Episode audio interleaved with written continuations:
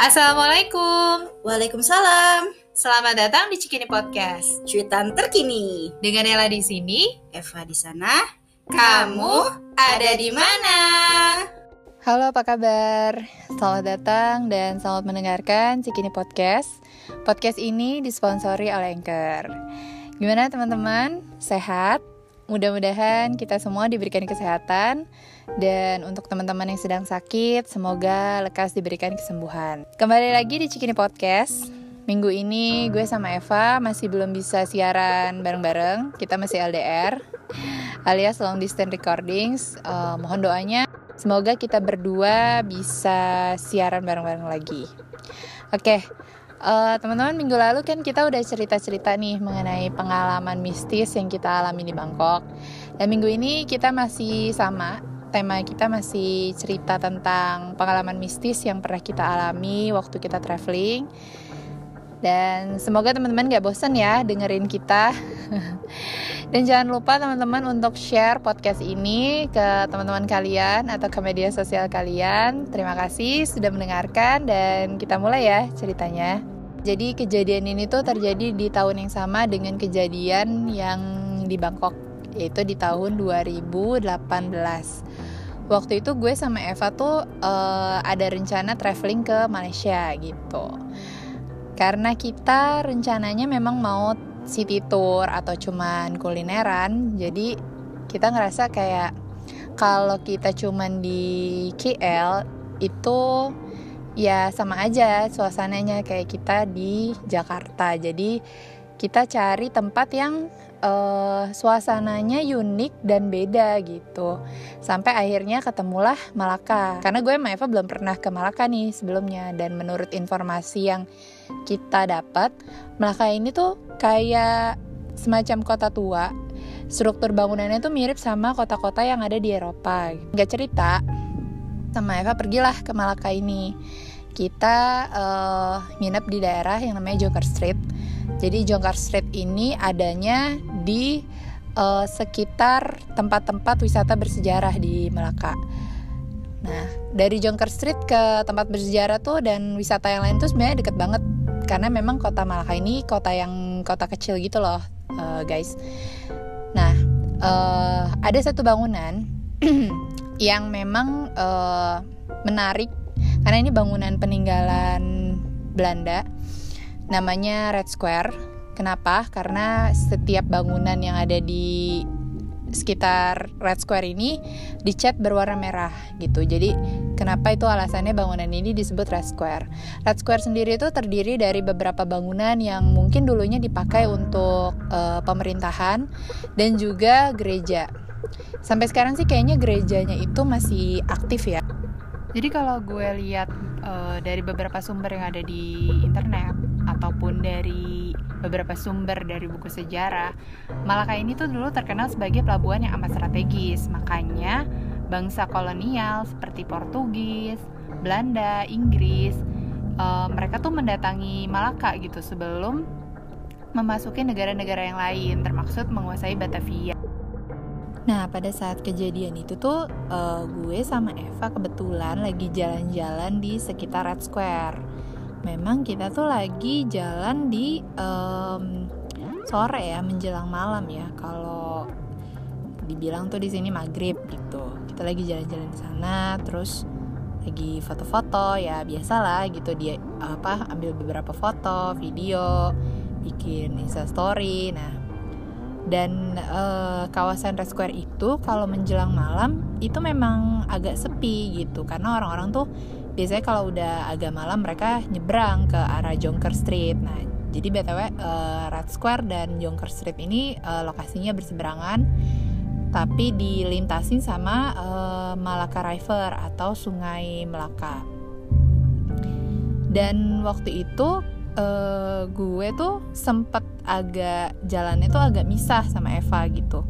Jadi Eva uh, masih di satu tempat gue udah di tempat yang lain dan pas uh, karena udah menjelang malam udah udah udah apa ya kayak uh, gue di situ tuh udah kayak mulai merasa duh uh, suasana itu udah mulai nggak enak gitu karena uh, jujur gue sih nggak bisa ngelihat hal-hal yang kayak gitu ya tapi ya perasaan-perasaan gak enak atau feeling-feeling atau firasat yang gak enak itu tuh uh, sering gitu sering gue rasain gitu. Jadi pas gue udah mulai ngerasa gak enak uh, gue tuh ingat gue lagi ngelihat ke arah Red Square atau gedung-gedung merah yang gereja-gereja itu tiba-tiba tuh ada sekawanan uh, burung-burung dari situ itu terbang lintasin uh, ke arah gue. Dan itu terbangnya tuh rendah gitu. Jadi bisa dikatakan tuh gue hampir setengah nunduk dan teriak karena gue kaget. Karena burungnya tuh yang terbang tuh banyak banget gitu. Gue belum pernah gitu ngelihat uh, burung sebanyak itu ya di di suatu kota. Itu terbang ngampirin gue dan itu tuh burungnya sebanyak itu gitu. Dan gue juga kayak kayak rada takut kan uh, jadi burung itu terbang uh, ternyata ke arah pohon yang ada di pinggir uh, sungai Melaka. Nah, pohon itu tuh kayak pohon uh, apa ya?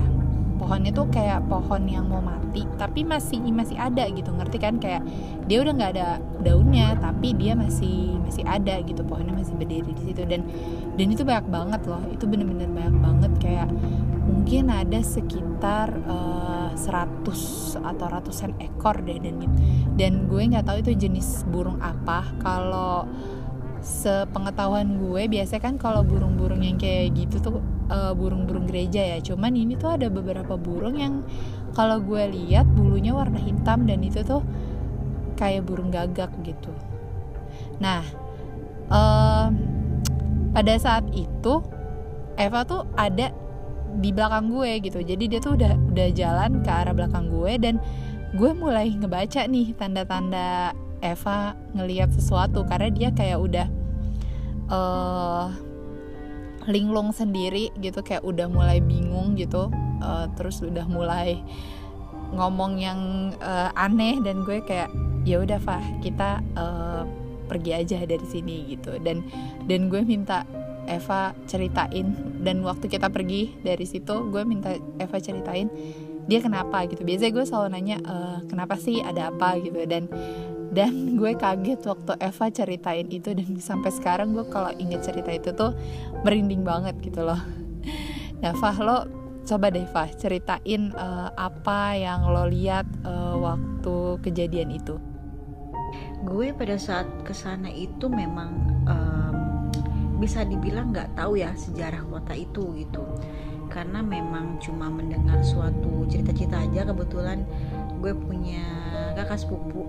Dia sudah ke sana itu udah berapa kali gitu ya. Dia bilang oh di sana enak tempatnya uh, apa kotanya tuh enak gitu kan.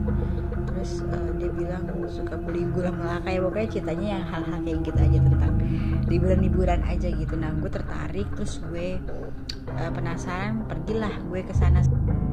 Gue lebih gini sih gue kalau pergi uh, demennya tuh yang kayak on the spot aja. Mungkin lebih tahu titik-titiknya gitu. Dan gue menyerahkan ke Nela aja gitu ya. Males pusing gue. Pas waktu itu gue udah nih harus terlalu deh bikin deh tuh itinerary-nya gitu kan. Nah pas di sana itu gue jalan sendirian. Jadinya Nela jadi uh, kita berdua ini nih uh, disamperin sama temannya Nela. Nah kebetulan dia tuh udah berapa kali kan ke sana, jadi dia bisa jadi uh, gaya tour. Jadi dia bisa yang kayak, nah nih di sini ada tempat foto bagus nih, di sini nih uh, nanti kalian foto-fotonya uh, lebih bagus nih. Apa sih ada pemandangan yang lebih kelihatan uh, kotaknya gitu-gitu. Jadi dia uh, tahu titik-titiknya gitu kan, ada pengalaman.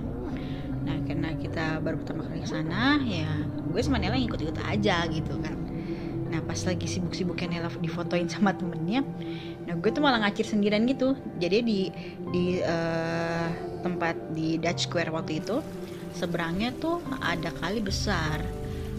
Yang di mana uh, pada saat itu tuh gue nggak tahu uh, kelihatannya di di gimana ya gue ceritanya ya. Kayak salah gue tuh uh, gue suka ngeflashback hal-hal yang pernah terjadi di masa-masa di masa-masa sejarah itu gitu loh sejarah si kota itu. Nah gue dapet filmnya maksudnya film dalam tanda kutip nih ya uh, di kali itu banyak sekali uh, zaman zaman dahulunya itu kan memang uh, mayoritas adalah kota uh, dengan etnis Tiongkok gitu ya yang di mana banyak yang menyeberang uh, sungai tersebut hanya hanya untuk uh, eh karena dia uh, karena masyarakatnya itu tidak disediakan sesuatu jembatan gitu.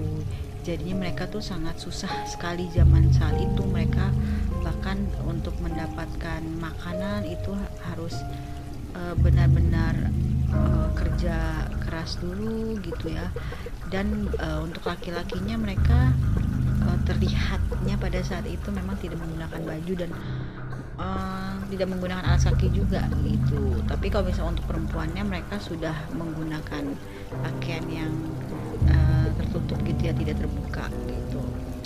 Nah gue pada saat itu uh, melihatnya itu uh, terjadi terjadi beberapa tahun yang lalunya itu sangat cepat transisinya gitu loh. Jadi gue kayak mengalami mengalami penglihatan gue itu ada di uh, masa kepemimpinan Belanda lalu gue ngeliat ada yang Inggris ada Portugis gitu. Nah yang uh, pada saat negara-negara Eropa itu sedang menduduki kota tersebut tapi uh, masih dengan kependudukan etnis Tiongkok gitu ya yang di mana mereka uh, mengalami zaman sejarah uh, kotanya itu beberapa beberapa negara mungkin uh, mengalami perubahan banyak bahasa gitu ya.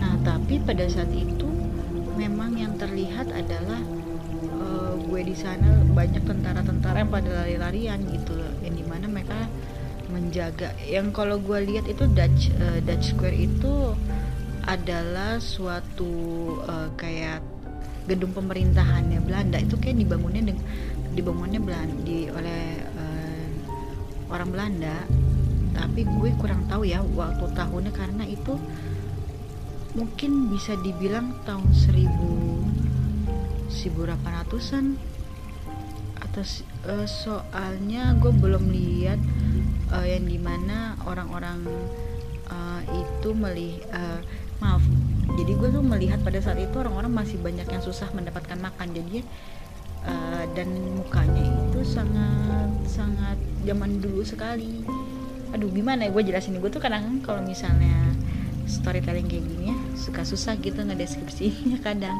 Karena uh, gue ngerti nih oh ini oh ini kayaknya tahun segini nih. Tapi kalau misalnya ini tahun segi uh, udah udah majuan gitu. Ini uh, ya tolong koreksi kalau misalnya nanti kalian dengar gue ada yang salah gitu ya. Gue sih ngelihatnya ini ada di tahun 1800-an yang uh, pasti 1800-nya berapa gue kurang kurang bisa nge-state gitu ya. Di sana itu lari-lari tentara Belandanya gitu sampai ada yang guling-gulingan di jalanan. Jadi tuh gue ngeliat pada saat gue di sana sore-sore tuh uh, sangat ini ya sangat ramai sekali gitu. Mungkin uh, memang pada saat dahulunya gitu ya. Itu sore hari mereka uh, ada aktivitas yang gue lihat adalah kayak seperti apel gitu loh.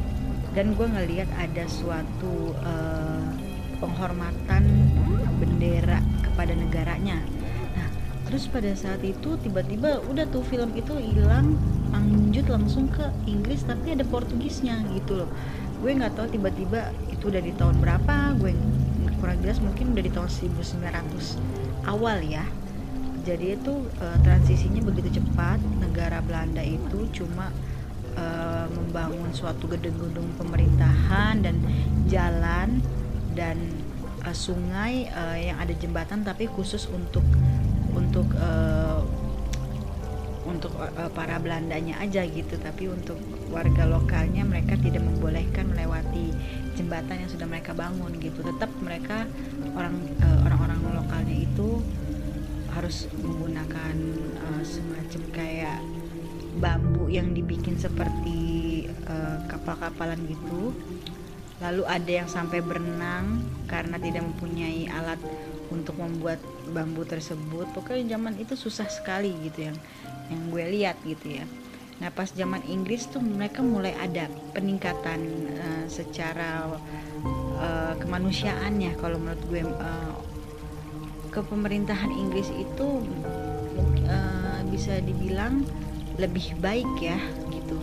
Lebih baik dalam arti yang yang tadinya susah dalam uh, mendapatkan makanan tapi uh, kalau misalnya di zaman Inggris ini mereka asal uh, bisa bekerja dengan baik itu uh, dikasih makanannya itu melebihi dari yang uh, pada masa pemerintahan Belanda gitu kan. Singkat cerita uh, pada saat itu gue sempat ngeliat juga gedungnya itu menjadi sebuah gereja. Jadi itu kalau misalnya gue di suatu kota gitu ya misalnya ngeliat dapat film data-data yang kayak begitu dalam tanda petik nih itu bisa berubah-berubah gitu. Jadi nggak nggak bisa yang maintain gue ngelihatnya lama gitu. Tapi ya benar-benar uh, sesuai apa yang gue terima aja pada saat itu. Jadi gue nyusun-nyusun puzzle sampai akhirnya bisa ngerangkai jadi satu picture yang yang solid gitu yang udah udah benernya gitu. Nah jadi gue ngeliat pada saat itu ada banyak pastor-pastor yang di mana uh, memimpin suatu mungkin kebaktian karena gue lihat banyak yang nyanyi-nyanyi gitu ya. Jadinya karena uh, pada saat itu orang-orang di sana itu kan masih belum uh, mengenal agama deh gitu ya. Jadinya orang uh, dari Belanda itu mengenalkan agamanya itu adalah Katolik. Ya menurut gue Katolik karena gue ngelihat banyak patung-patung uh, Bunda Maria yang kalau misalnya correct me if I'm wrong gitu ya yang di mana kan Bunda Maria itu uh, dihormati untuk di agama Katolik gitu ya. Jadi singkat cerita tuh seperti itu untuk yang uh, merasa lebih angker-angkernya itu memang tidak begitu terasa ya. Karena uh, ini sangat sangat biasa aja gitu. Kalau bisa dibilang ya seperti gue nonton film dokumenter aja gitu. Kayak truk-truk pada lewat. Tapi uh, pada saat ini uh, masih di jalan raya di Dutch Square-nya gitu ya. Terus setelah bergerak ke arah lebih lebih tinggi uh, di situ ada kayak seperti Mariam gitu ya. Uh, kayak semacam apa sih nyal? Uh, buat nge nge ngebom gitu ya. Nah di situ gue ngelihat banyak sekali mayat-mayat yang kena dari bom itu gitu loh. Uh, pada saat itu banyak perang yang mana melibatkan orang orang-orang sipil lokalnya itu menjadi seperti tawanan. Aduh pokoknya uh, mencium bau darah ataupun iya gitu ya karena namanya juga banyak yang terkena dari uh, Mariam itu. Maksudnya apa sih uh, gue nggak kurang tahu ya itu namanya apa gitu alatnya gitu. Dan itu bisa dibilang uh, sangat menyedihkan gitu. Karena yang sangat menyedihkan adalah kita nggak bisa bahasanya kita nggak ngerti apa yang diomongin karena kan kalau bisa pada saat ngeliat film-film itu kan at least uh, terdengar tuh suara kayak uh, mereka teriak-teriak bunyi-bunyi tembak-tembakan itu kedengeran. Tapi untuk uh, mereka komunikasinya gue nggak ngerti gitu. Gitu nih singkat ceritanya tuh bisa dibilang kota Malaka tuh sangat indah kotanya. Ya gue juga setuju sih uh, kota Malaka ini emang kotanya cantik banget. Terus juga penuh dengan sejarah ya. Bahkan di tahun 2008 kan uh, dianugerahi oleh UNESCO sebagai kota yang bersejarah. Dan uh, kalian gak akan nyesel kalau pergi ke Malaka. Karena menurut gue itu kayak salah satu destinasi yang mesti kalian datengin selain karena kotanya bersejarah tempatnya um, cantik makanan dan kulinernya enak dan pasti kalian akan uh, betah oke okay, uh, kayaknya sampai sini podcast kita akan kita sambung lagi nanti di minggu depan masih dengan tema yang sama Terima kasih buat teman-teman yang udah dengerin podcast kita. Jangan lupa di-share ke teman-teman kalian yang belum dengerin, dengerin deh. Dan sampai jumpa.